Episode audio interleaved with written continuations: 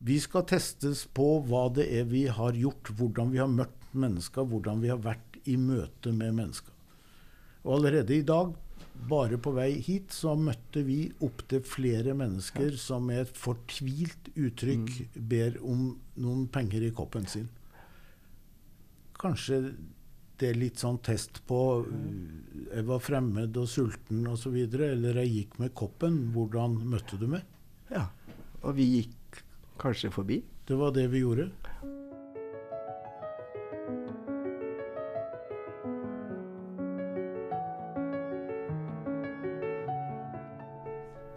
Velkommen til Diakonalgang, en podkast om diakoni. Mitt navn er Eile Verikstein, og jeg er diakon i Vest-Telemark. Og med meg her i studio er, er Ivar Solbu og, og Ivar. Ja. Diakonalgang. Hva tenker du på da? Jeg tenker jo på at du ble omtalt i avisa Varden som norgesmester i diakonalgang i forbindelse med norgesmesterskapet på ski. Og det gikk jo på at du var mye bedre enn de andre til å ta lange pauser og snakke med folk langs løypa og i det hele tatt være til stede. Det hørtes jo ikke så positivt ut. Det hørtes ut som en litt lat arbeidstaker. Ja, det spørs nå hvordan man bruker de pausene, det, da. Men Ivar, du har vært diakon i, siden 1976. Det må være den Norges lengste diakonkarriere, er det ikke det? Jeg er ikke mer enn 1,75, men jeg har jo vært diakon da i 43 år. Hadde tanke om å være i Sauherad i ett år, men det har blitt 43. Og nå står du foran avslutninga. Ja, om ei uke etter at vi har gjort denne praten, så er jeg pensjonist. Jeg har hørt en historie om deg, Ivar, som eh, jeg syns var veldig god. Det var en av de første gangene du kom til Sauherad og skulle begynne å jobbe. Og så kom du opp til ei gammel dame oppe i hugget. Ja, vi hadde menighetssøster i Sauherad den gangen, og hun sa kan ikke du gå og besøke gamle Tone som bor der og der? Jo, jeg dro nå til den dama, og jeg var en ung og from diakon, så jeg hadde jo med meg bibel og salmebok, og jeg sang for henne, og jeg leste fra det hellige ord, og vi hadde en hyggelig prat. Og etter en times tid, sånn når jeg skulle gå, så sier hun du skal vel se på brønnen?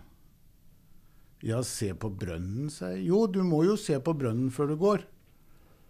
Ja, jeg kan jo Men, men Ja, kommer ikke du fra teknisk etat? lurte hun på. I ettertid så har jeg jo fått vite at hun hadde ringt til teknisk etat for å få hjelp med brønn. Men hun uh, syntes det var helt naturlig at denne ingeniøren eller hvem det var fra teknisk etat, både leste og ba og sang og sånn. Men det betyr vel at diakoni er ganske praktisk, da? Kjempepraktisk. Ja. Nå tror jeg ikke jeg ville ha vært veldig skikka til å hjelpe henne med den brønnen, men uh, jeg stilte iallfall opp. Hvordan kom du på å Kom du inn i dette yrket? Det var nok flere ting. For det første så jeg vokst opp i en veldig presteslekt. Så jeg bestemte meg nokså tidlig for at jeg skulle iallfall ikke bli prest. Men så hadde jeg jo en sånn fascinasjon for det å jobbe i kirka også, så jeg starta veldig tidlig og fikk være med opp i kirketårnet og ringe. og Det var der jeg lærte å røyke, forresten. Men det er så. Men så Det slutta du med? Det har jeg slutta med. Det har jeg slutta med. Eh, var ikke skole egentlig det helt store for meg. Jeg sleit med, særlig med sånn språkfag og sånn. Det var veldig mye røde strek. Så jeg fant ut jeg måtte bli noe praktisk. Så jeg var hos uh, sånn uh, yrkesrettleder, og han fant ut at jeg burde bli kokk. Men det ble noe sykepleie da, på Diakonhjemmet og diakoni. Og så søkte jeg da denne stillinga i Sauherad. Men jeg tror at en del av grunnen også var mennesker jeg hadde møtt. Diakoner i Trondheim på 60- og begynnelsen av 70-tallet som ble litt sånne forbilder for meg. Men, men, nå blir det jo bare prat om meg. Hva med din vei inn i diakonien, eller? Jo, altså jeg tror at var en Jeg var en heldig klein student på Blindern i sin tid. Jeg tok en historie i mellomfag og funka ikke helt som student. Jeg, jeg, kom, til en, jeg kom til en professor i, på mellomfagseksamen som sa herr Erikstein, det er jo ikke sånn at alle i vår tid må behøve å være må bli akademiker. Du, du kan jo godt bli snekker. Nå ble jeg aldri snekker, for det, det var kanskje det jeg passet aller minst til. Men jeg havna på Gaustad, et psykiatrisk sykehus, som pleiemedhjelper. Og kom på en lukka kvinneavdeling og kjente at det trivdes jeg godt med. Og så ble det sykepleien, og så førte det meg til diakonjobb i Vest-Telemark. Jeg tror det er liksom en sånn lite, en liten nåde å få lov å være og jobbe som diakon. Jeg har liksom kjent i de 25 åra eller vel så det som jeg har holdt på, at det er eh, Jeg blir veldig Altså det er opp- og nedturer, men jeg blir veldig glad av det. Altså, en av de tinga som jeg tenker er det viktigste her, er liksom de relasjonene. Så relasjoner. Og det er kanskje det vi er på en måte litt sånn i relasjonsbyggebransjen. Det er jo å håpe at det er det. Og jeg møter jo folk som sier hvordan orker dere å, å, jobbe med mennesker som opplever sorg, som sliter med livet sitt på forskjellige måter. Og det kan være ganske tøft. Og det kan være ganske sånn ressurs- og energikrevende. Men på den andre sida så er vi jo uhyre privilegerte som får lov til å møte mennesker på det ærligste, på det nakneste, på det helt innpå beinet, liksom. Jeg har ei dame som jeg besøker ganske ofte, i hvert én gang i måneden. Som, eh, og det har jeg gjort i mange år. Og hun gir meg eh, vafler og jordbærsyltetøy og gjerne en rømmeklatt på toppen.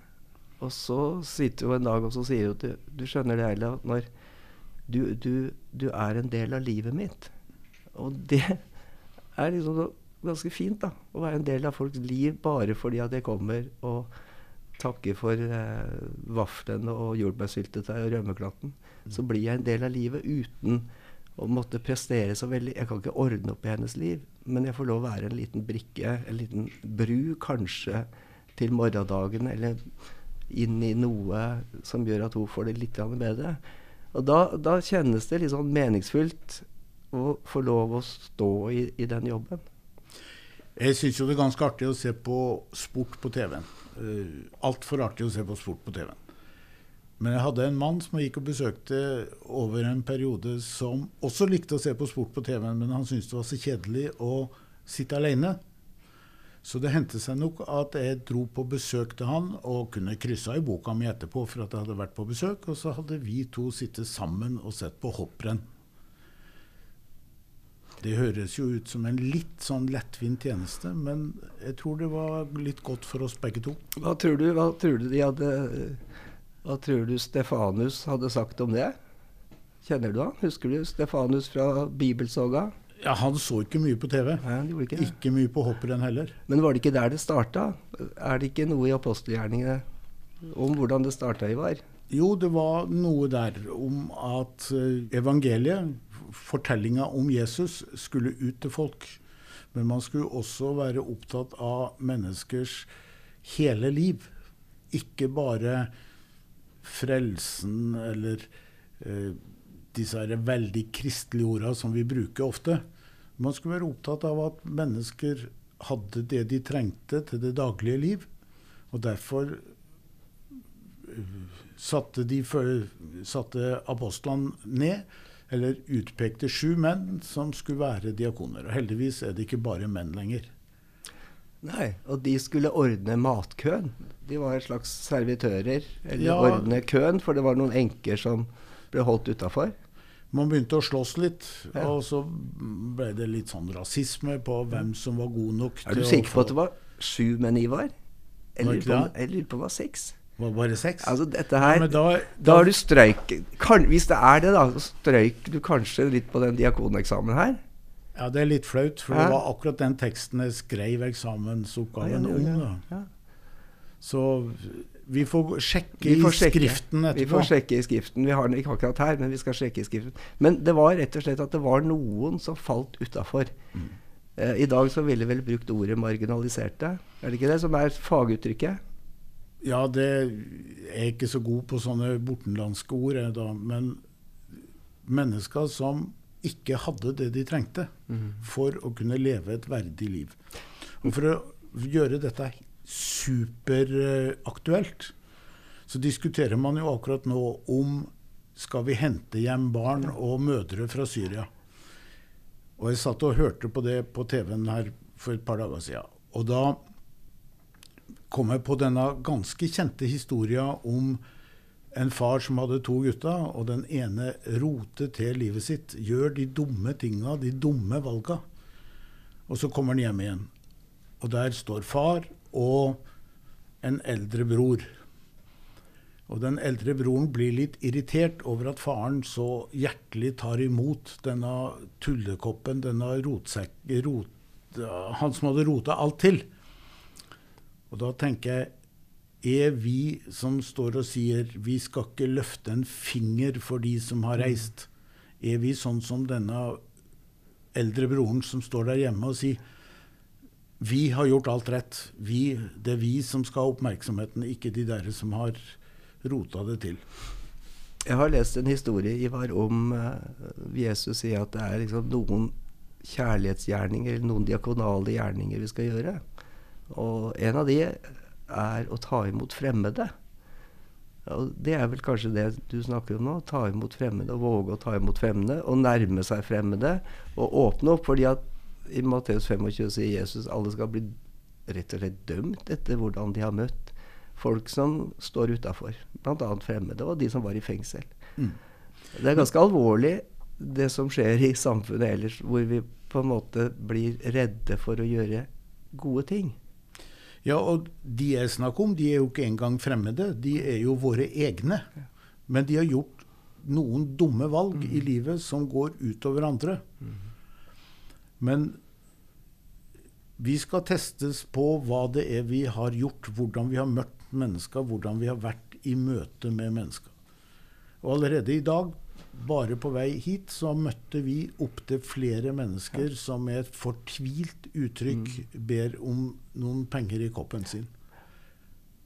Kanskje det er litt sånn test på Jeg var fremmed og sulten osv. Eller jeg gikk med koppen. Hvordan møtte du meg?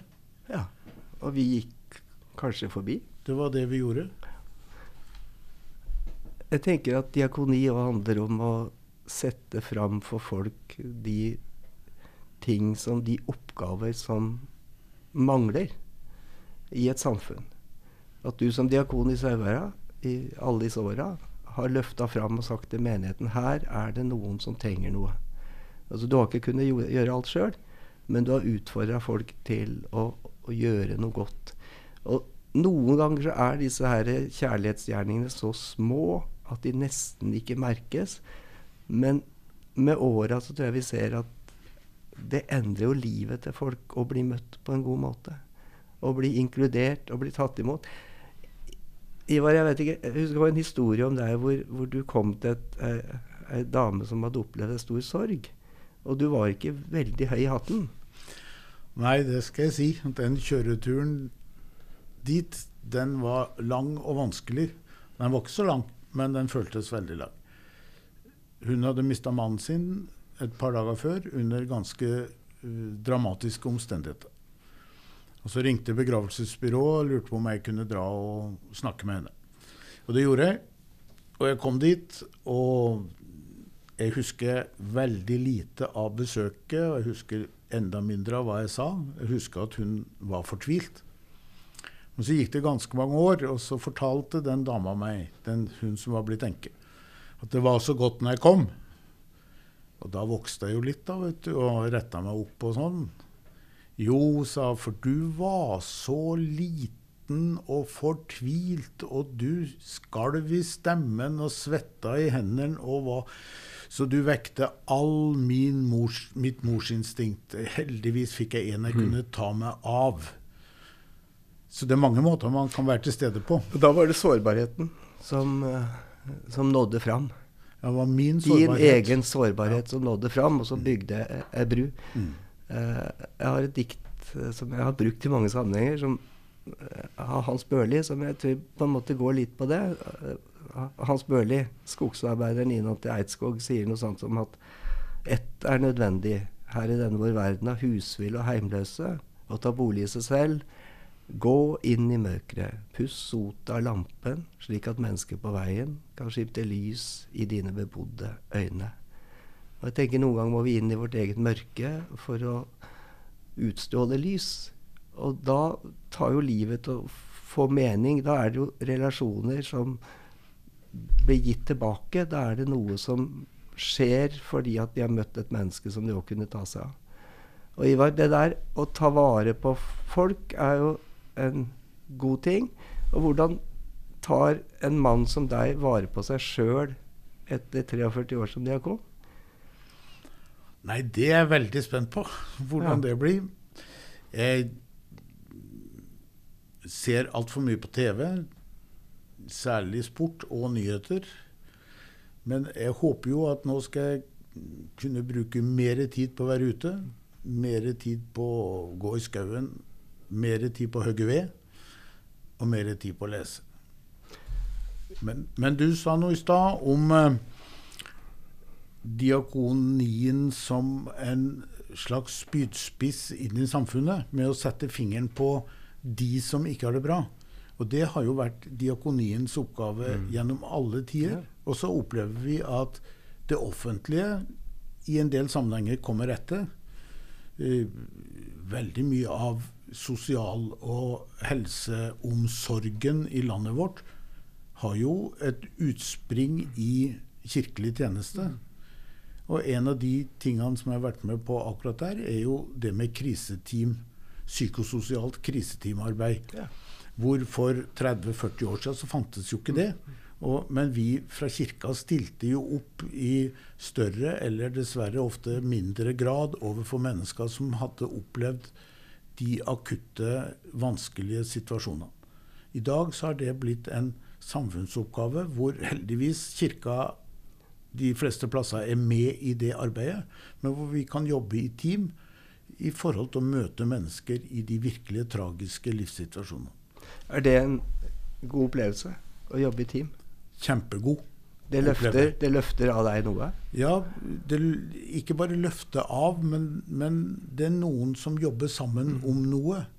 Uh, i forhold, altså Helse, sosial, uh, barnevern, hvem det måtte være. Jobbe sammen for å nå inn til mennesker som sliter. Ivar, vi har jo aldri vi har ikke liksom definert Vi har sagt at en diakon er en som har en utdanning til å jobbe med omsorg i kirka. Og har en treårig fagutdanning, helse, sosial, pedagogisk, og noen andre muligheter òg. Og så er det da et masterstudium. Det var det vel ikke den gangen du gikk på diakoniet? Nei, vi brukte lite fremmedord. Lite fremmedord, Ikke noe master, men, men, i dag så er det en, veldig, en femårig utdanning som gjør folk skikka til å jobbe i kirka, til å være faglig leder av kirkas omsorgsarbeid. Uh, ser du noen sånne, Når du går av nå, ser du noen utfordringer? Hva, hva, er, som, hva er det som kommer etter deg? Det er ikke, ja, det er ikke syndfloden. men Nei, det får jeg da ikke håpe. Sauherad er kjempeheldig, for de har fått en diakon som ikke skal overta etter meg, men som skal uh, lage sin plattform for sin tjeneste. Uh, og at det blir mindre bruk for diakoni, det tror jeg ikke noe på. Jeg tror det er nok av oppgaver som uh, nok ikke vil være de samme hele tida, men det vil alltid være oppgaver for det vil alltid være mennesker som har bruk for noen som ser, og som hører. Har du noen gang følt at når folk ser kirka for seg, så ser de at det er, at det er prester, helst, og så er det ikke alle menigheter som har diakon. Har du noen gang liksom følt at her er det liksom diakonien er liksom diakon, Det er litt sånn litt på utsida? Har du tenkt det? Nei, egentlig så har ikke jeg tenkt det så mye. Fordi jeg har fått jobbe i en setting og i en stab og i et fellesskap som jeg tror vi egentlig har vært ganske gode til å spille hverandre gode. Mm. Til å spille på hverandres kreativitet. Men, men, hvilke oppgaver tenker du vil være viktigst? Du er jo en ung mann som skal jobbe i ti år til, minst. Du vet, vi har, Ivar, vi har, altså, du har 43 år, og jeg har vel da 8-29. Det blir mange år, det. Og jeg tenkte jeg tenker egentlig, jeg vet ikke om du husker Husker du sånn Muppet Show? Ja, ja, ja. Og, og det, dette er jo da, de, som er, de, som ikke har opplevd Muppet Show, de må bare skru av dette her. Men der satt det to gretne, gamle gubber opp på balkongen. Mm. Som hele tida satt og sa alt var så mye bedre før. Alt var der. Og, nei, og de, le, de lo aldri av det som ble presentert på scenen. Og noen ganger har jeg kjent meg litt som sånn, en sånn litt gretten gammel gubbe som ser Ikke at det var mye bedre før, men at vi som diakoner ikke liksom har fått nok plass, og det er ikke nok stillinger og sånn. Men, men ja, de seinere åra så skjer det veldig mye gode ting. Altså Sist statsbudsjett så kom det eh, noen nye penger, friske penger, til å lage nye diakonstillinger. Og plutselig så ser en kanskje at det er dette det diakonale, den diakonale sida av kirka som på en måte blir veldig, veldig viktig framover. Og så må en ha en faglig ledelse av det. Og så driver hele kirka, fra prester til kirketjenere til organister, kantorer, trosopplærer, alle driver med diakoni. Og, noen av oss får lov å være litt, sånn, litt faglig leder av det. Og jeg tenker jo egentlig Ivar, du har jo på en måte vært et forbilde for meg gjennom alle disse åra altså som en øh, voksen mann da jeg møtte deg, og alle da du var du var kreativ og nyskapende. Du har holdt på med konfirmant i alle år, sjøl om du har nådd en moden alder. Så det er bare, jeg har bare lyst til å takke deg veldig for den tjenesten. Du skal få en avskjed, og det blir avskjed i Sauherad etter hvert. Men bare liksom takker jeg for det forbildet og den diakon du har vært i kirka vår gjennom disse åra. Nå er det vanskelig å få sagt noe mer.